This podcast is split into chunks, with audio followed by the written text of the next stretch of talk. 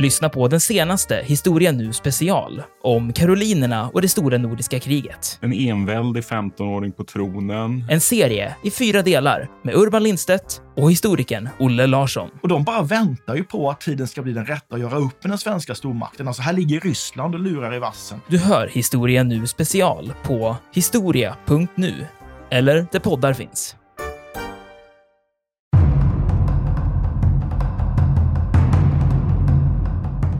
För det går ju inte att bara nu sköld mot sköld och så kör man på. Därför då kommer ju elefanten att mangla, den grekiska.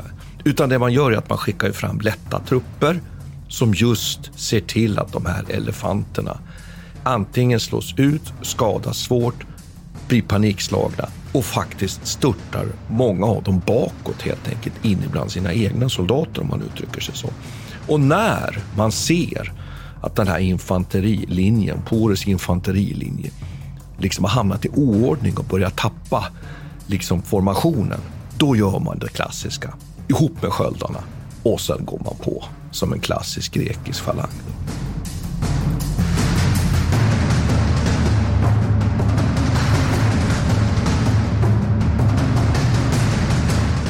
Militärhistoriepodden är podden om krig med människor och samhället i fokus.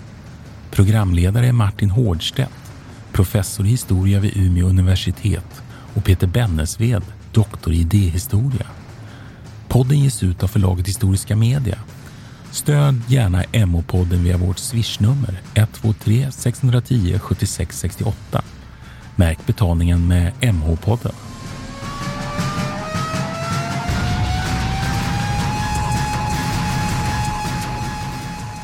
Välkomna till Militärhistoriepodden. Det här är Peter Bennesved. Det här är Martin Hårdstedt i vanlig ordning. Och Martin, du brukar ju inleda med att prata om dina sjukdomar, så att ni skulle kontra. Är du beredd? Ja, jag är beredd. Du menar, Ja, att, jag, nej, men menar jag- att jag är hypokondrisk? Eller? Nej, men du brukar alltid inleda med att nämna det. Så jag tänkte säga att i morse vaknade jag med, med eh, någon slags bihåleinflammation. Det var jävligt oskönt. Men så gjorde jag tre saker. Jag drack kaffe, lagade en list i badrummet och sen började jag läsa om Alexander och då släppte det. Då lossnar Då undrar jag, ja, då lossnade det. Vad, vilken av dem var de mest eh, förlösande? Den, den sista naturligtvis. Jag är inte så säker. Jag tror att det kan vara kaffet.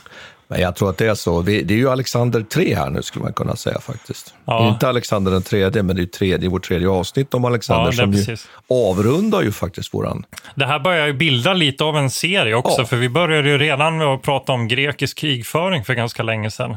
Eh, Och då så gick vi igenom det här Peloponnesiska krigen och sådär. Och sen har det liksom bara följt på, så jag tyckte att det var jäkligt spännande här. Nu är vi på den tredje delen av Alexanders fälttåg i öst, kan man säga. Ja, och de här fyra, får man säga så, fyra klassiska antika drabbningar. Ja, Granikos, Isos, Gagamella och idag, du får uttala det där, jag faktiskt Ja. Hydaspes. Fantastiskt, Ja, Hydaspes. Hydaspes. Jag, tror att det heter, jag tror att det heter penultima regeln, så då ska man säga den, man ska betona den tredje stavelsen i ordet, så det borde bli Hydaspes. Hydaspes. Nej, jag vet inte. Ja, ja, nej, någon, någon, får, någon får rätta oss, men det har, jag tror att man uttalar det så i alla fall.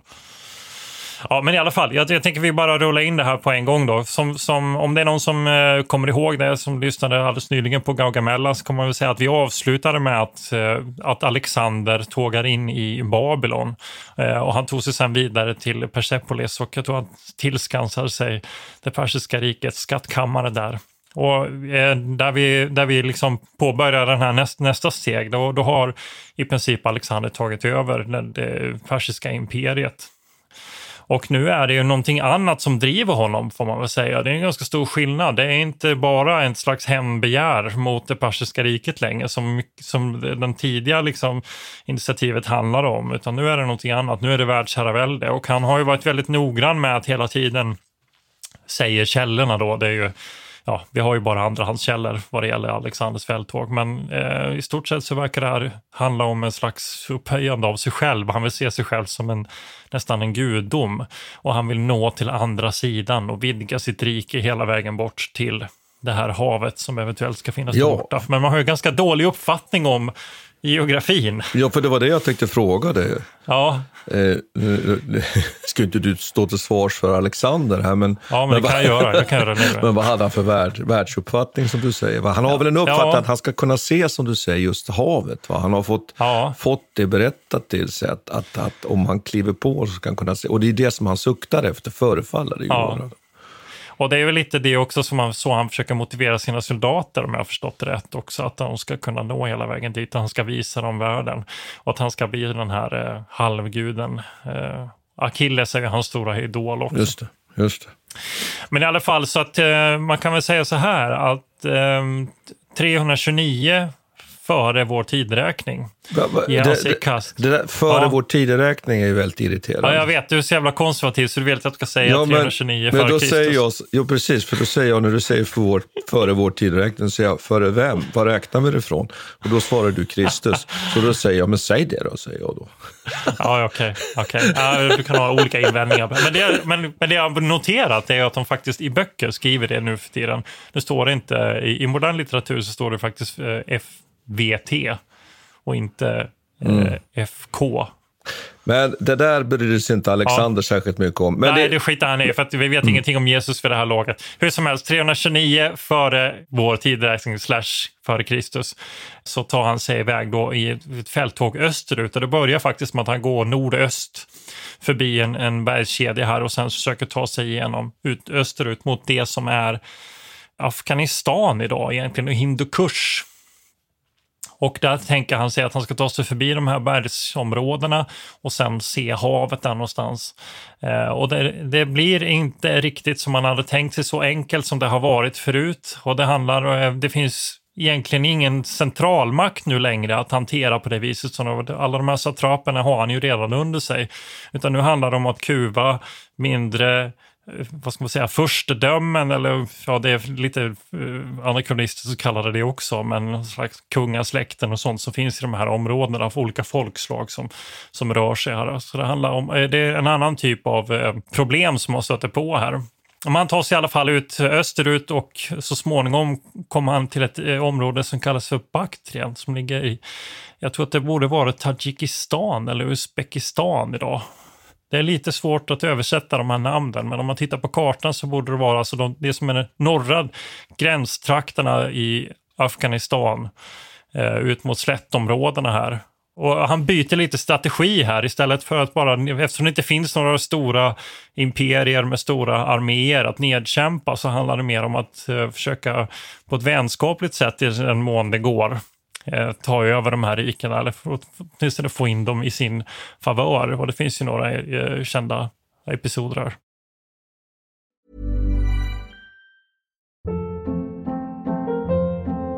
Hold up. What was that? Boring. No flavor. That was as bad as those leftovers you ate all week. Kiki Palmer here, and it's time to say hello to something fresh and guilt-free. Hello Fresh. Jazz up dinner with pecan-crusted chicken or garlic butter shrimp scampi. Now that's music to my mouth. Hello Fresh. Let's get this dinner party started. Discover all the delicious possibilities at hellofresh.com. Quality sleep is essential. That's why the Sleep Number Smart Bed is designed for your ever evolving sleep needs. Need a bed that's firmer or softer on either side? Helps you sleep at a comfortable temperature? Sleep Number Smart Beds let you individualize your comfort so you sleep better together. JD Power ranks Sleep Number number 1 in customer satisfaction with mattresses purchased in-store. And now, save 50% on the Sleep Number limited edition Smart Bed for a limited time. For JD Power 2023 award information, visit jdpower.com/awards. Only at a Sleep Number store or sleepnumber.com. Life is full of awesome what ifs, and some not so much, like unexpected medical costs. That's why United Healthcare provides Health Protector Guard fixed indemnity insurance plans to supplement your primary plan and help manage out of pocket costs. Learn more at uh1.com. Du, du nämnde ju det, satrapper. Ja. Och satrapper, det är ju väl att ungefär kan man eh, översätta det med län. Län inom, inom det persiska riket. Och det är ju så att Alexander ju använder ju egentligen väldigt våldsam teknik för att erövra perserriket ju faktiskt. Det är ju terror helt enkelt, våldsutövande. Men här ser vi ett skifte som du säger precis, att, att han ju förefaller att inse att detta inte fungerar och att det också är som du säger ett liksom annat typ av rike eller områden som han nu eh, möter och att det, där krävs en annan teknik som ju handlar om att vinna de här människornas eh, förtroende. Och de här sogdianerna, Ja. man kan ju precis bara för att bekräfta det du säger, de här sogdianerna är ju ett sånt eh, typiskt att de först tar över en fästning här. Som, jag vet inte vad den heter på svenska, jag kan bara läsa på engelska. Det står Sogdian Rock. Som är som någon slags, eh, ja det är antagligen en bergsfästning, skulle ha varit väldigt svårt att ta sig in i. Hur som helst, han tar över den här så, så småningom genom att mana upp sina soldater upp på den här bergskanten. Och sen så gifter han sig med den här kungens dotter. Roxana, som sen kommer spela en ganska intressant roll senare i det här diplomatiska efterspelet eller efter Alexanders död. Men, men eh, på det viset han liksom tar över kungariken eller betvingar dem och sen gifter in sig i dem på olika vis. Ibland är det han själv, ibland är det hans eh, högsta befälhavare som, som eh, liksom stannar kvar eller gifter sig på olika vis. Då. Så den taktiken han, han använder sig av. Men så småningom så tar han sig hela vägen ut till Indien och vi talade lite om det här med hans, hans eh, världsuppfattning. Och Ja. Det här gällde ju då också. Så det de kommer till det är Indusfloden. Ja, Punjab, är det inte så? Jag tänker dagens ja, Punjab. precis. Man tar sig igenom Kyberpasset ner i det som är, är Pakistan idag och når till de här bifloderna som kommer, som löper ner från Himalaya. Eh, Och, det är som skapar ju Indusfloden får man väl säga. Exakt. Då. Och det är fyra, fyra bifloder där som heter Hydaspes, Asines, Hydroatis och Hyfassis, tror jag den sista heter. Och de då rinner ut i det som blir Indusfloden. Och då är ju vi fortfarande på den västra sidan, om det blir lite geografiexercis här för lyssnarna. Men då är vi ju på den västra sidan av Indien. Gagnesfloden ligger ju på den östra sidan och är ju den liksom som markerar den andra delen av, eller som ramar in det som är liksom det indiska, eh, vad ska man kalla det, kontinenten eller är det tillräckligt stort för att kallas en halvö? Nej, det blir eller ja, det är liksom- det är det väl. Ja, eller vad man ska kalla det. Men i alla fall, det, det är det, det som ramar in så säga, Indien. Men de har ingen aning om hur långt det är dit eh, egentligen. Och här kommer han till en punkt då hans soldater börjar tveka om uppgiften. Är det verkligen, eh, hur långt kan man ta det, den här expansionen?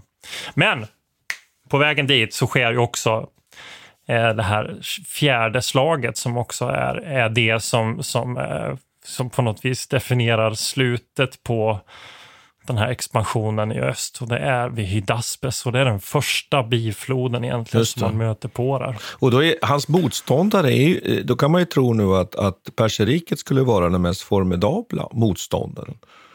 Men så är det nog kanske inte därför att den han nu möter har, har väldiga militära resurser, kan man ju konstatera.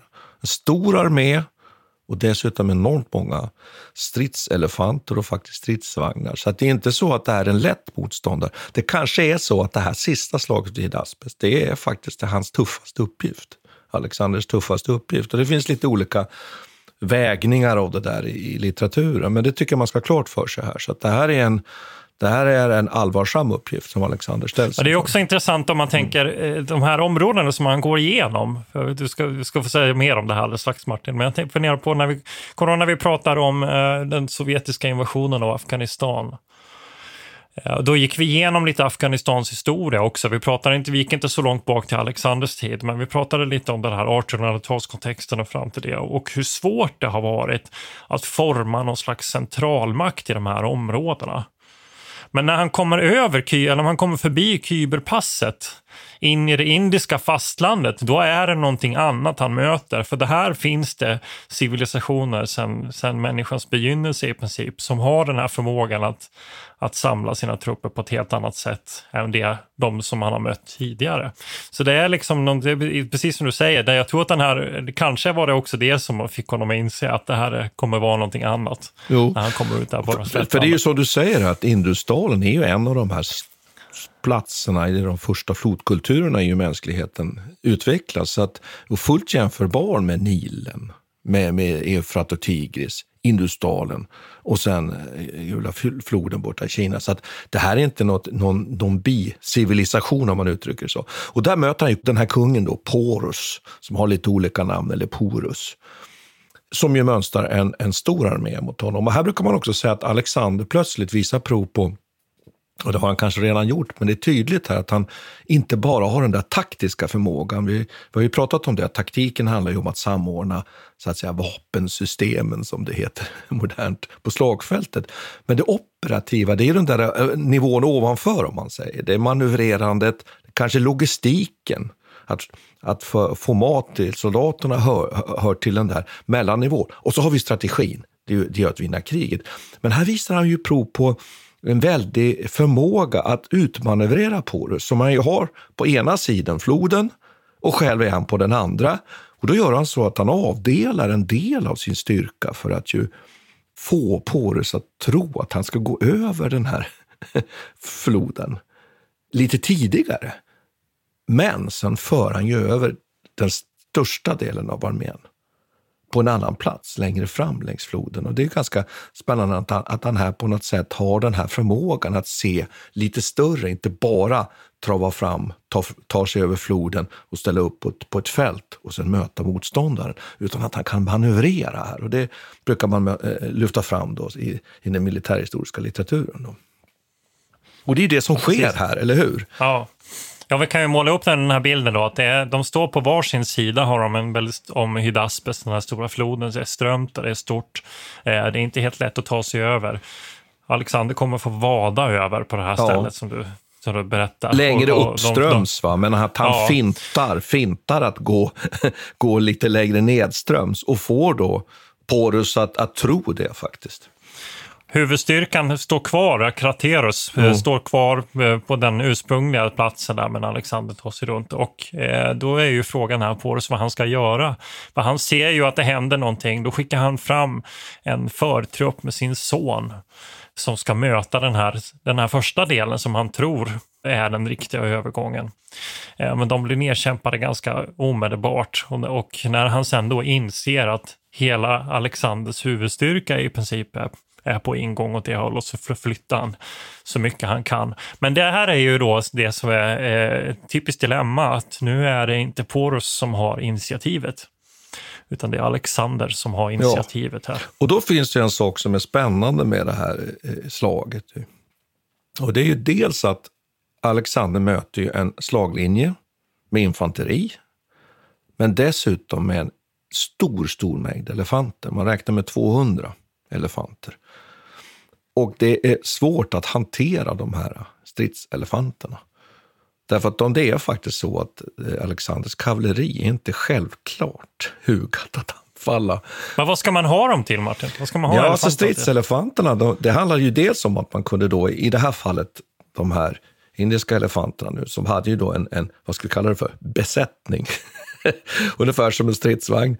Man räknar med att de naturligtvis har någon som ser till att elefanten går åt rätt håll och sen har man då ett antal soldater på toppen som använder båg, bågar och, kastspjut. Men egentligen är nog själva elefanten i sig det främsta vapnet här med snabeln och med betarna som man också menar var skodda och helt enkelt trampa ner motståndaren. Och det gäller ju att få den här elefanten då att gå framåt. Problemet är ju att den går ju framåt på kommando om man uttrycker sig så. Men om den blir skrämd, vad händer då? eller den blir tvingad eh, genom att den till exempel blir anfallen med spjut eller yxor eller någonting. Ja, då vänder den ju om och då är den ju lika farlig för, för så att säga den egna sidan som motståndaren. Så att elefanten är inte självklart eh, eh, bara en fara för motståndaren. Eh, vi... Men man kan ju tänka sig att de har pot stor potential att möta falangen som ska vara ja. då, där hela poängen bygger på att det ska vara så himla tajt ja. och koncentrerat och eh, eh, så mycket disciplin. Alltså. Så det som händer här under den här uppmarschen, och då kan man väl säga att innan vi kommer nu till den här liksom striden mellan den grekiska falangen, precis som du säger här, och den här infanterislaglinjen med elefanterna, så ska vi väl bara tillägga det att Alexander väljer att anfalla då kavalleriet som finns då på Porus vänster och högra sida. Då lyckas han slå ut det. Och för att bara eh, bes kort beskriva vad han gör är att han anfaller då kavalleriet som finns på den vänstra sidan, vänstra flygeln. Men han skickar dessutom runt kavalleristyrkor på den andra sidan för att så att säga ha lite koll på vad gör Porus kavalleri på den högra sidan. Det visar sig att Porus för att möta det här första anfallet på sin vänstra sida kallar till sig kavalleriet från den högra sidan för att få ett övertag där mot Alexanders kavalleri. Men då rider Alexanders kavalleri som han har skickat runt då, hela vägen runt. Och så smashas helt enkelt Porus kavalleri mellan de här två styrkorna. Så att det är ju oerhört skickligt av, av Alexander att uppfatta det här, om vi ska tro källorna. Att han, han, han inser att han inte kan använda kavalleriet mot elefanterna. Det är osäkert. Men han smashar Porus kavalleri här i inledningen av slaget väldigt snabbt. Annars ska, ja, det är skitspännande. Mm. Jag, jag, jag, sitter samtidigt och tittar på en bild här nu. På, på, på en skiss, på ja. ja. skissen på, på slaglinjen, hur den såg ut. Och det är jäkligt fascinerande. Det jag också observerar då, någonting som är väldigt likt både Gargamella och Issos, det är att den här infanterilinjen möter inte rakt på, Nej. utan den går så här Nej. snett. Och så kommer då i vanlig ordning Alexander precis på spetsen och ska mm. slå till Ja, in precis. så här va? Ja, det, ja, nu, ja. Visar, nu visar det är ingen som ser. Ja, det är ingen som ser, bara jag som ser. men, men det är obegripligt. Det är obegripligt. Ja, det, tyder på låg liksom intelligens, liksom det här att vi aldrig kan lära oss detta. I den kilen då i alla fall som där infanteriet ja. skapar. Nu kommer inte det här vara avgörande just i det här slaget, Nej. men man ser ju att han försöker samma taktik som han har gjort tidigare och slå in med sitt kavalleri eh, på snett rakt in mot, mot centern ja. egentligen för att slå ut Porus. Och, och det, det, det särskiljer ju nu då det här slaget mot Porus just från de andra slagen, att det här blir huvudvapnet här för Alexander. Det är ju falangen och hans elithopliter, eller elitfalang, de här silversköldarna, de här utvalda 3000. Det är de som egentligen klarar av att besegra Porus i slutändan här. Så att det är inte kavalleriet, precis som du säger, utan sen den här huvudstriden då är fascinerande. För det är precis som du säger, om nu, går, nu är vi tillbaks där vi så att säga avbröt och berättade om kavalleristriden här. Den är ju hur hanterar nu falangen? För det går ju inte att bara nu sköld mot sköld och så kör man på. Därför då kommer ju elefanten att mangla, den grekiska. Utan det man gör är att man skickar fram lätta trupper som just ser till att de här elefanterna antingen slås ut, skadas svårt, blir panikslagna och faktiskt störtar många av dem bakåt helt enkelt in bland sina egna soldater om man uttrycker sig så. Och när man ser att den här infanterilinjen, Pores infanterilinje, liksom har hamnat i oordning och börjar tappa liksom formationen, då gör man det klassiska ihop med sköldarna och sen går man på som en klassisk grekisk falang. Då. Så ungefär så enkelt förklarat. Och sen som vi har konstaterat finns ju sen kavalleriet där bakom då. Att, och då störtar ju hela den, den här då, ska vi kalla det för, porus. Indiska center samman. Då. Ja. Precis. Jag, jag, blir, jag blir påmind om spartanerna under Peloponnesiska kriget ja. och deras, när, när falang stod mot falang. Ja och sättet man kom runt det, mm. att man har, eh, och spartanerna börjar använda sig av just det här lätta infanteriet istället som ska springa runt på sidorna, störa ordningen. Ja, det har vi varit inne på. Ja. ja, känner igen den där taktiken. Och det sägs väl också att Alexander beordrade dem att de skulle slå mot elefanternas hälsenor ja. med yxor. Då, ja, liksom eller skapa. om det var yxor, om det var någon form av, av eh, ja. Ja Huggvapen av något slag. Och, och, mm. och sen finns det naturligtvis fler detaljer i det här. Men det spännande är ju här att den här falangen nu då, den behöver ju gärna ett, ett, ett, ett, ett slätt yta för att fungera och här fungerar den väldigt väl i slutändan. Och vi kan ju konstatera sen att så småningom kommer ju falangen ställas mot en annat sätt att uppträda på slagfältet. Men det romerska mer flexibla och lättrörliga sättet. Och där, det får vi väl återkomma. Vi har ju den här Pyrrhus bland annat så småningom som ju åtminstone lyckas ja, ja, till en början mot romarna, men sen går det ju åt, åt fanders. Va? Men, men vi kan ju lugna oss, vi får väl vänta med det. Men, men en sak som är spännande här, det är ju att Alexander uppfattar att Porus är så ståndaktig. Så han vill ju nästan rädda honom där i striden. För han, dels vill han väl ha kvar honom, så uppfattar jag. För att han tänker sig att han skulle kunna faktiskt fortsätta att regera sitt rike fast under Alexander. Så att han vill inte egentligen att han stupar i slaget. Och sen får han väldigt respekt för honom, ja. uppfattar jag också. Ja, men det är det här som är så ironiska med hans sätt att föra krig och göra sin, genomföra sin diplomati under den här perioden också. Att han, det finns ju något ironiskt i det att Porus blir ju sen tilldelad de här alexandriska delarna av, det, av Indusfloden eller de här områdena runt omkring här. Det är ju han som får rollen att härska över dem. Så i praktiken blir det ju så att han, han blir ju starkare. Han har ju så nedkämpat sina egna indiska motståndare genom att förlora det här slaget. I någon mening, Vilket är lite, ja. ja lite ironiskt jo. på något vis. Är ju det. Och det säger ju mycket om Alexander också, att han har inte, eller han lär ju förstå att kontrollen över de här områdena kommer vara flyktig och det gäller att binda till sig de som förstår det här området, som förstår kulturen, som förstår ritualerna och, eh, och som har ätterna på, på de segrande ätterna på sin sida. Så. Have catch yourself eating the same flavorless dinner three days in a row? Dreaming of something better? Well, hello fresh is your guilt free dream come true baby. It's me, Gigi Palmer. Let's wake up those taste buds with hot, juicy pecan crusted chicken or garlic butter shrimp scampi. Mm.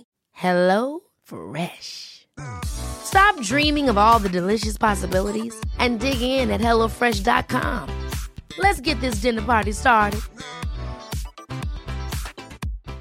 One size fits all seems like a good idea for clothes until you try them on. Same goes for healthcare. That's why United Healthcare offers flexible, budget friendly coverage for medical, vision, dental, and more. Learn more at uh1.com. Quality sleep is essential. That's why the Sleep Number Smart Bed is designed for your ever evolving sleep needs. Need a bed that's firmer or softer on either side? Helps you sleep at a comfortable temperature? Sleep Number Smart Beds let you individualize your comfort so you sleep better together. JD Power ranks Sleep Number number 1 in customer satisfaction with mattresses purchased in-store. And now, save 50% on the Sleep Number limited edition Smart Bed for a limited time. For JD Power 2023 award information, visit jdpower.com/awards. Only at a Sleep Number store or sleepnumber.com.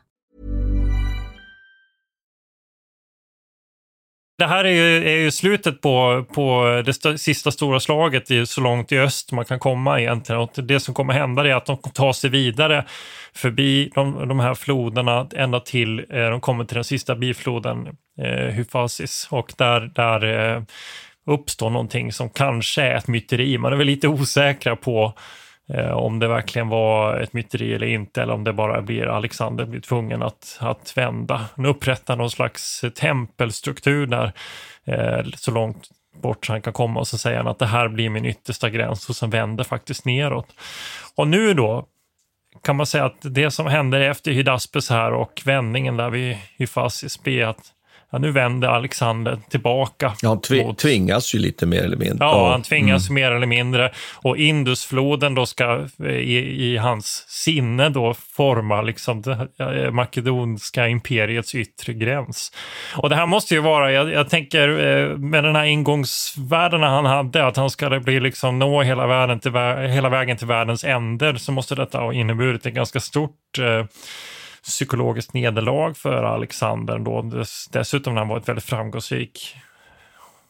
Men eh, ja, okej, okay. han rör sig neråt mot eh, Indiska oceanen. Här händer ju en del spännande grejer på vägen. Jag tänkte jag skulle ta en liten episod, det är de här belägringen av mallerna. Just det. Just det. Eh, mm. det finns ju någon liten fästning där, du vet folk då som de tar sig längs med Indusfloden neråt nu då. Eh, men på vägen dit så träffar de på en, en, eh, ett, någon slags kungarike. Då. Och det här finns en väldigt känd episod då, som förändrar Alexander ganska mycket. Eller det sägs att det, det, det blev eh, en så säga, identitetsförändring i honom. Att han, han ger sig i kast med den här fästningen. Hans soldater har väldigt svårt att ta sig upp för en fästning här och de tar sönder sina stegar och grejer och de lyckas inte riktigt. Och för att vända då Eh, moralen på sin sida så ska han ha kastat sig iväg själv här tillsammans med sin livvakt och sin sköldbärare. Så tre man med Alexander i spetsen kastar sig upp för de här muren, hoppar ner på andra sidan och sen slåss man mot man där inne, innanför fästningen och väntar på att resten av hans soldater ska komma ifatt och det kommer droppa ner allt fler och till slut så får de upp den här grinden. Men här blir han sårad ganska allvarligt eh, och dör nästan. Han får alltså en pil någonstans i bröstkorgen. Antagligen så punkterar han en lunga. Eh, och detta kommer leda till att han i ett par veckor ligger på dödsbädd egentligen. Eh, och det, det, ställer till en väldig oreda. Och efter detta, han, nu, nu lyckas han ju överleva det. Eh, han har väl gott läkekött, han är ju rätt, fortfarande väldigt ung. Eh, men efter detta så är Alexander inte riktigt samma typ av härförare. Utan han, han eh, ger sig inte i kast med, i stridens hetta på samma vis. Man ser honom inte springa eller någonting annat. Han har svårt med andningen och han blir lite annan karaktär. Så det här formar nog också Alexander, tror jag. Det eftermälet för det som händer här efter är ju inte lika heroiskt. Nej, längre. det är väl en av hans större, största misstag egentligen, får man väl säga. Ja, precis. Och det, det vi pratar om här, det är ju ökenmarschen, eller hur? Exakt. Alltså återmarschen nu västerut och där han ju skickar iväg en, en, en stor del av sin här faktiskt. Vi ska komma ihåg att det här slaget vid Aspes det utkämpas ju sannolikt av väldigt stora arméer, åtminstone 40 000 man, kanske på båda sidor till och med. Det är ju väldigt osäkert med de här siffrorna, men och det kan man väl bara säga nu Peter, att han skickar ju iväg en del av landarmén och bestämmer sig, och här har det ju nu varierat mellan 30 000 och 100 000 man. Jag uppfattar ändå att forskningen är mest inne på att det är den lägre siffran. Och den bestämmer han sig för då att korsa öknen med. Och det kan vi ju resonera lite kring då eh, strax. Vad är det som driver det? Men vi ska väl lägga till då också att han har ju också en, en flottstyrka som ska gå längs med kusten, eller hur? Precis, och det är hans, eh, en av hans närmsta vänner, Niarkos, som ska, som ska föra den här.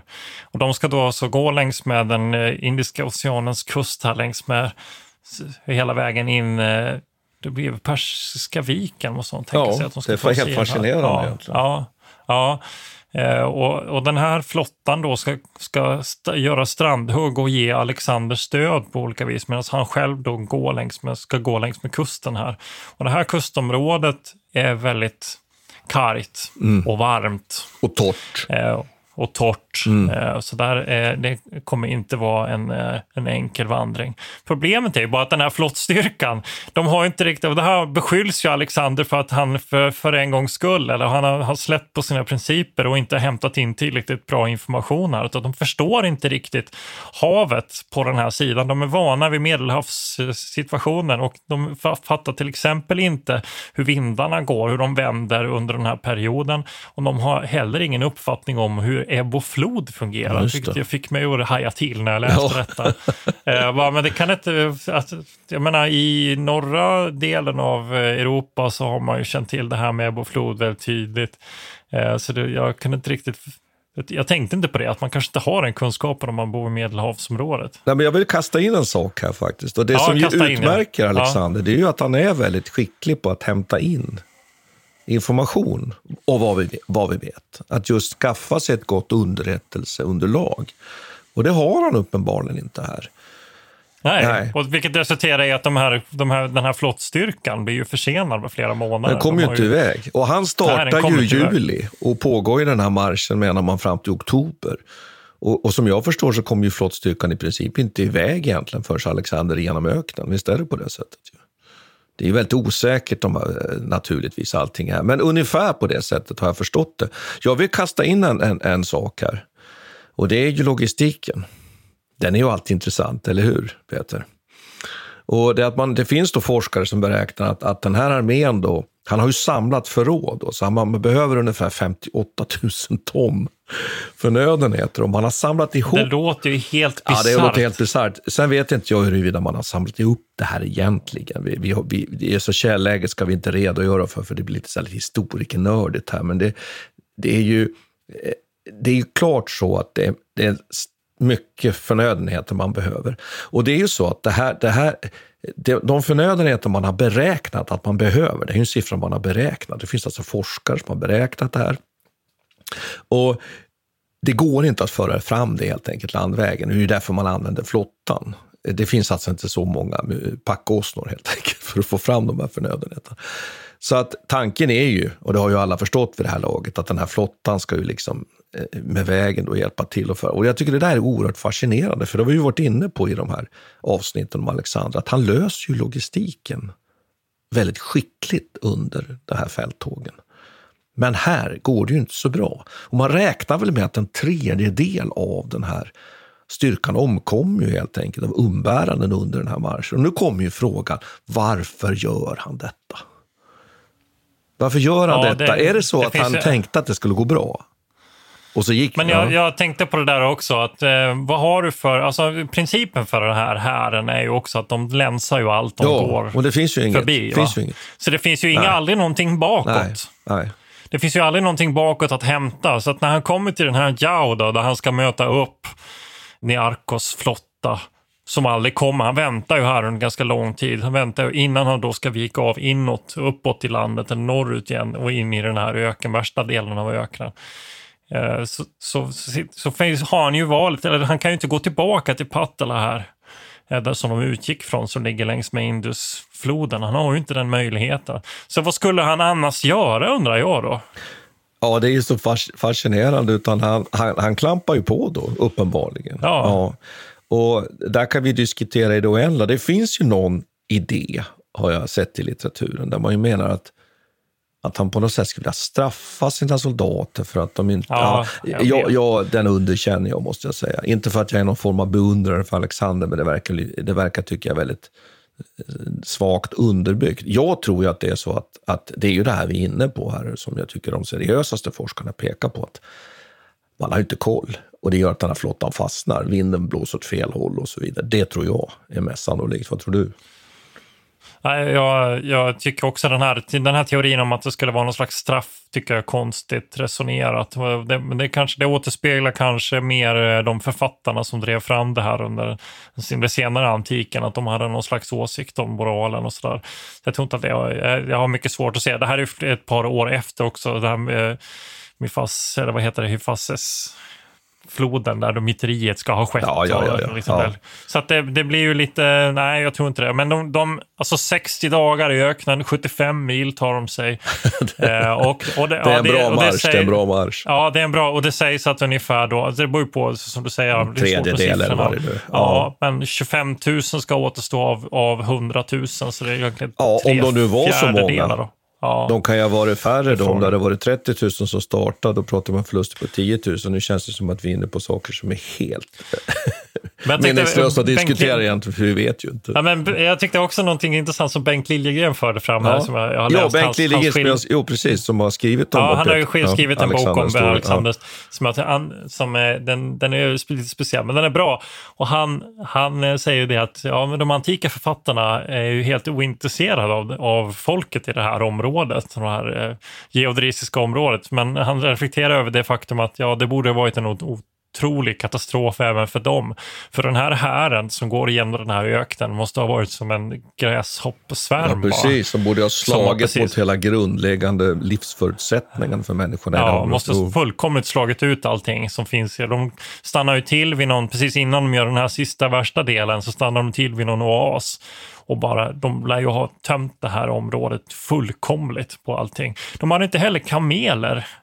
Eh, Utan de hade liksom mulåsner Ja, också. Så där, Ja. Mm. som, och, de, och de dog ju som flugor. och De skulle ju haft kameler. Efter, lätt för mig att säga, efterklok. Ja, men, men ja, för att göra som vi säger en lång historia kort här, nu får du stoppa mig här, men han hamnar ju så småningom i Babylon igen, där vi började alldeles nyss. Ja. Och det är ju där, han- det är ju där han så småningom ju faktiskt drar sin sista suck, eller hur?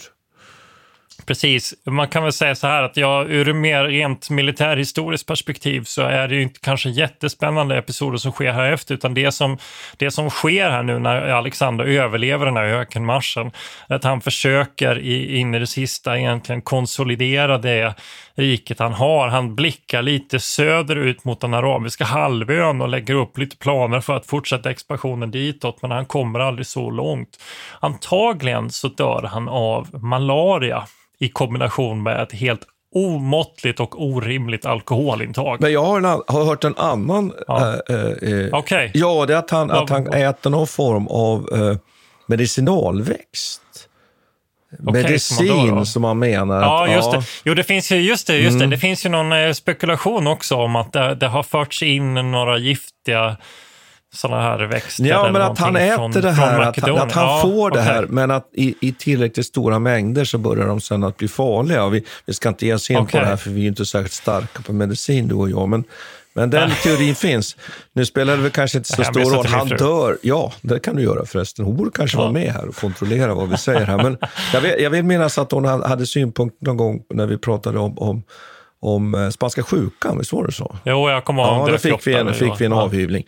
Men, men hur som helst så, så, så är det intressant. Jag har hört det där med alkoholen där också. Att han skulle, han skulle ha slut, haft en fest där. Där han skulle ha, ha eh, druckit sex liter rödvin.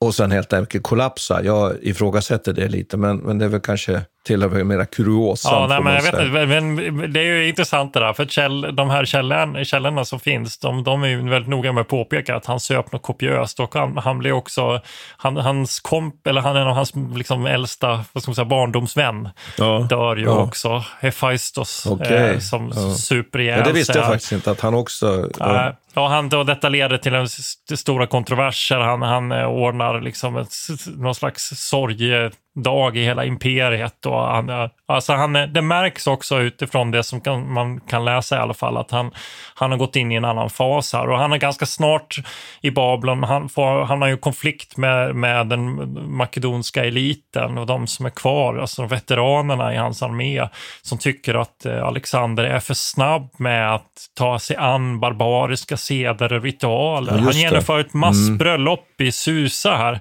där han gifter sig själv då med massa olika prinsessor och prins, eh, och inte prinsar, men eh, prinsessor i de här områdena då, eh, för att ta kontroll och gifter bort eh, sina generaler. Och, så. Eh, och detta får vi väldigt stor kritik därför man tycker att han förråder liksom eh, de makedonska sederna som han var eh, ämnad att på något vis sprida då till sitt imperium. Det startar, skapar mycket problem.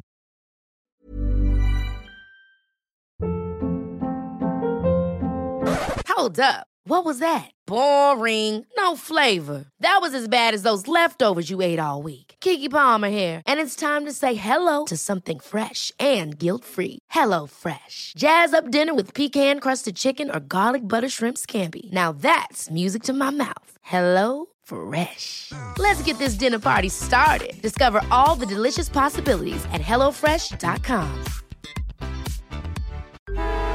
Traffic jams, tailgating, pileups.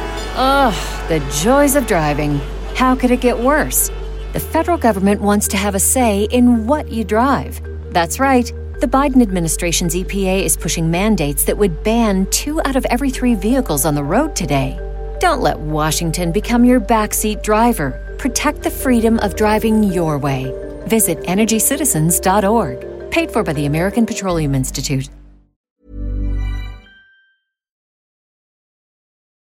Men då tycker jag att vi har en fin brygga där när du säger det här nu. Ja. För att det som väl annars är så viktigt med det här Alexanders rike, det är ju just den här kultur kulturintegrationen, eh, Ja, integrationen, precis. kan man säga så? Eller utbytet där, där den här grekiska kulturen, inte minst stadskulturen, ju faktiskt sprids österut och får ju stor betydelse. Det har vi varit inne på tidigare.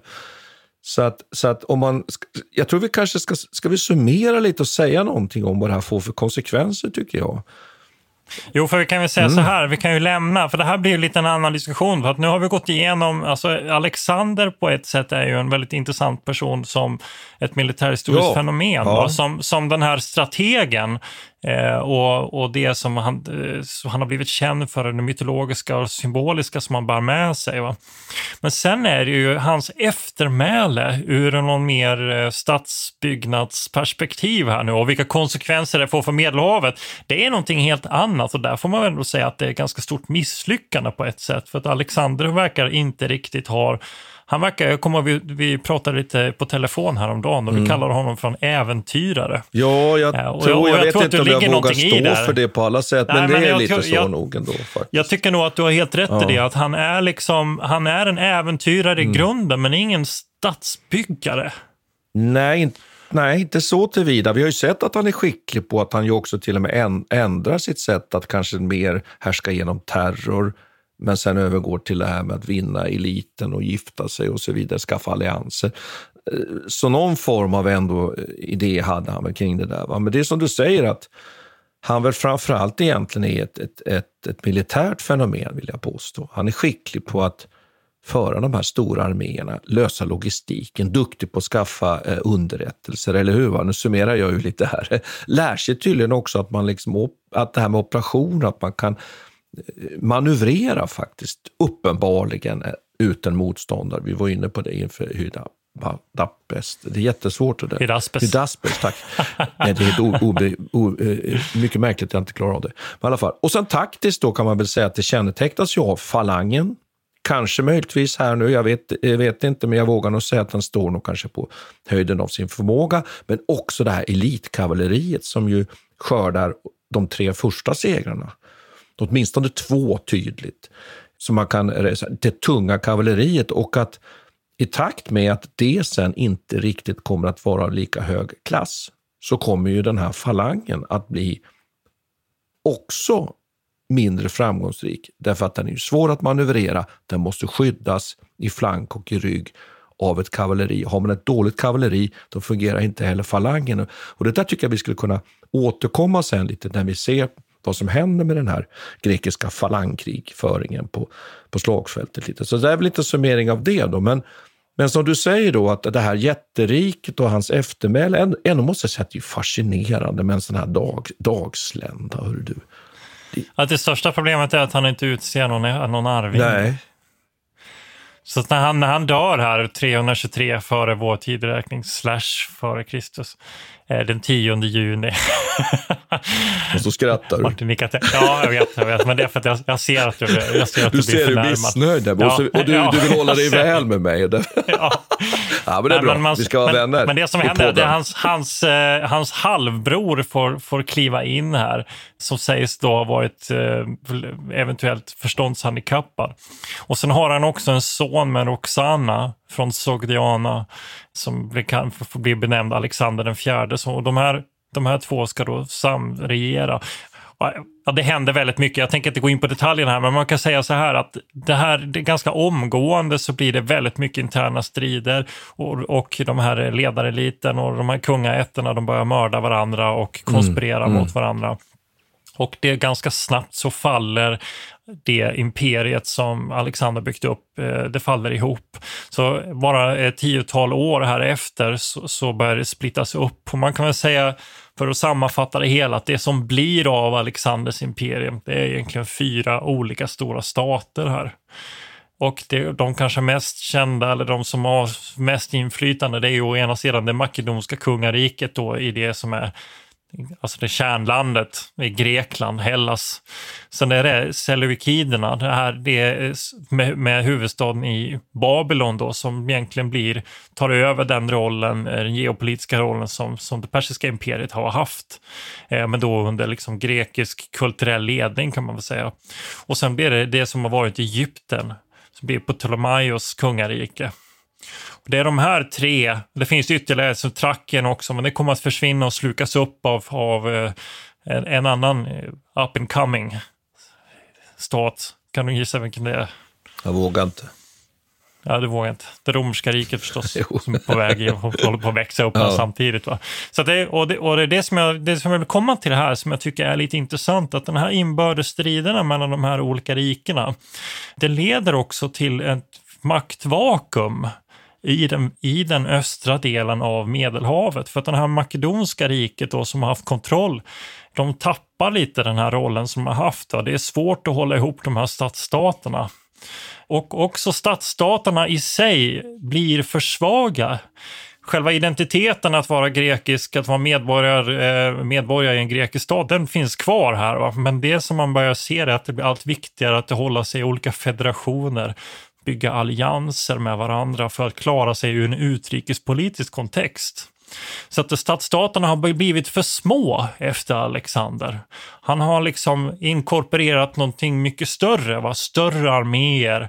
St han tar och bygger upp större städer. Alexandria då i Egypten, förlåt Egypten, eh, kommer ju växa till en befolkning på nästan en miljon människor beräknar man då. Det är väl spekulationer förstås, men det är ju något helt annat från liksom Aten där vi pratar ja, 25 000 kanske upp till 75 000 var fram och tillbaka. Mm. Det är liksom en helt annan klass, de är så mycket mindre de här staterna. Så här ser vi ju någonting, och det här begreppet kosmopolit kommer ju till här Just nu, det. att man kan faktiskt mm. vara medborgare i flera olika städer. Så här börjar ju bildas en slags jag skulle säga att det är för tidigt att säga en nation, men en slags kungarikes statsformationsidentitet som är mycket viktigare. Va? Och det också blir viktigare att hålla sig väl med och se till att diplomatin fungerar öster och västerut. Och då finns det ju ett annat rike här då, som romerska riket, som nu växer fram, fram och börjar, ja. börjar konkurrera med de här. Eh, och då ska jag bara vilja tillägga att det är klart ja. en sak kommer att bestå, det är det vi har pratat om, det här kultur utbytet och den grekiska kulturen och så vidare. Och sen tycker jag att spännande ur ett så här militärhistoriskt perspektiv att det här hade ju aldrig inträffat om det inte Alexander hade e militärt erövrat de här områdena. Nej, precis. Och där har vi ett mot... Och det är ju egentligen, ja, precis. Det, det, det är, är som ett liksom, här... barnsligt ja. eller enkelt argument för att vara intresserad av krig som mänsklig företeelse, skulle man väl kunna säga. Ja. Eller? Eller? ja, visst. Ja. Nej, men det, det, är klart att det finns någonting i det. Det här seleukidiska riket är ju de som så står för väldigt mycket kontakterna mellan Europa och Medelhavet och det som är det längre Orienten, liksom, liksom. Orienten ja, egentligen, för att använda gammaldags ord, så, så, är det ju, det är, de står ju för den här kontakterna va, och sköter handeln i princip mellan de här två olika eh, kontinenterna. Och medan Ptolemaios då står för väldigt mycket av pengarna. Så de, och Alexandria, det här biblioteket vi känner till, blir ju den kulturella hubben här. Eh, och det är intressant där att det finns, eh, jag har för mig att jag har hört, nu är det rena spekulationer. Men inom den muslimska, spekulationer? Ja, ja, avdelningsspekulationer. Men det var någon som berättade för mig att eh, det är väldigt vanligt att man har i, i den muslimska världen, är att i Egypten så, så författar man och i Libanon så läser man. Det skulle vara kul om det var någon lyssnare som, ja men att det sitter lite, och det är lite samma här, att, att eh, i Alexandria, det är där den kulturella liksom intelligensen sitter, det är liksom där man skriver och där eh, många åker dit va, för att inhämta kunskap. Men det är också i seleukiderna, eh, i det här stora liksom, före detta persiska riket, som det här sprids fram och tillbaka och så småningom kommer hitta tillbaka till Europa den vägen också. Att det, ja, det finns något jätteintressant här eh, och, och som, som Alexander banar väg för med sin med, med sin erövring egentligen. Och det, han bildar ju många nya städer, som du sa, stadsstater poppar ju upp i eh, de östra delarna här med liksom en gre, inför en grekisk kultur, grekiska element. Och så den här sammansmältningen mm. i hellenismen va, som, som ju sen ja. kommer att finnas kvar. Och vi kommer att, i olika sammanhang, vi har ju faktiskt spelat in podd här om, om, om Östroms fall och sådana saker som hör ihop med det här. Men det vi hade tänkt då här egentligen nu från det här, det är att vi skulle kliva på nu med, med romarriket, puniska krigen, Kartago och det här nu inom citationstecken då Grek, Greklands erövring här av romarriket och, och förutsättningarna Exakt. för det. Och vad som händer då, det kan man väl liksom ändå på något sätt eh, avrunda med att den här, den här falangen där ju, vad händer med den då sen så småningom? Det ska vi reda ut. Och, precis, för rent precis parallellt med att eh, det, det alexandriska imperiet faller sönder så är det ju Rom som börjar, börjar ta komma, kontroll ta över hela den italienska ja. halvön. Så att det sker någonting väldigt, en väldigt intressant parallell rörelse här. Mm. Men är vi nöjda Peter? Ja, jag tror det. Ja, men tack ska vi ha. Jag tror det. Ja, då säger vi, säger vi så. Tack, tack ska vi ha. Vi tackar Peter Bennesved och Martin Hårdstedt. Kontakta gärna Militärhistoriepodden via mejl på militarhistoriepodden historia.nu. Peter och Martin vill gärna få in synpunkter och förslag till programidéer.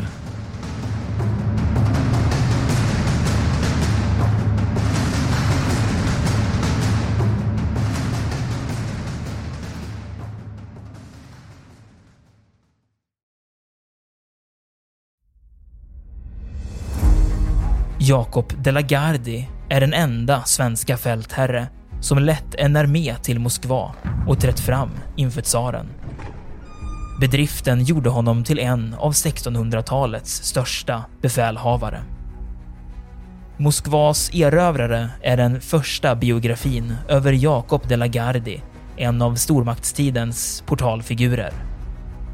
Historikern Peter Ullgren följer hans stormiga bana från den föräldralösa barndomen vid 1500-talets slut till maktens topp och den mullrande statsbegravningen i Stockholm 1652.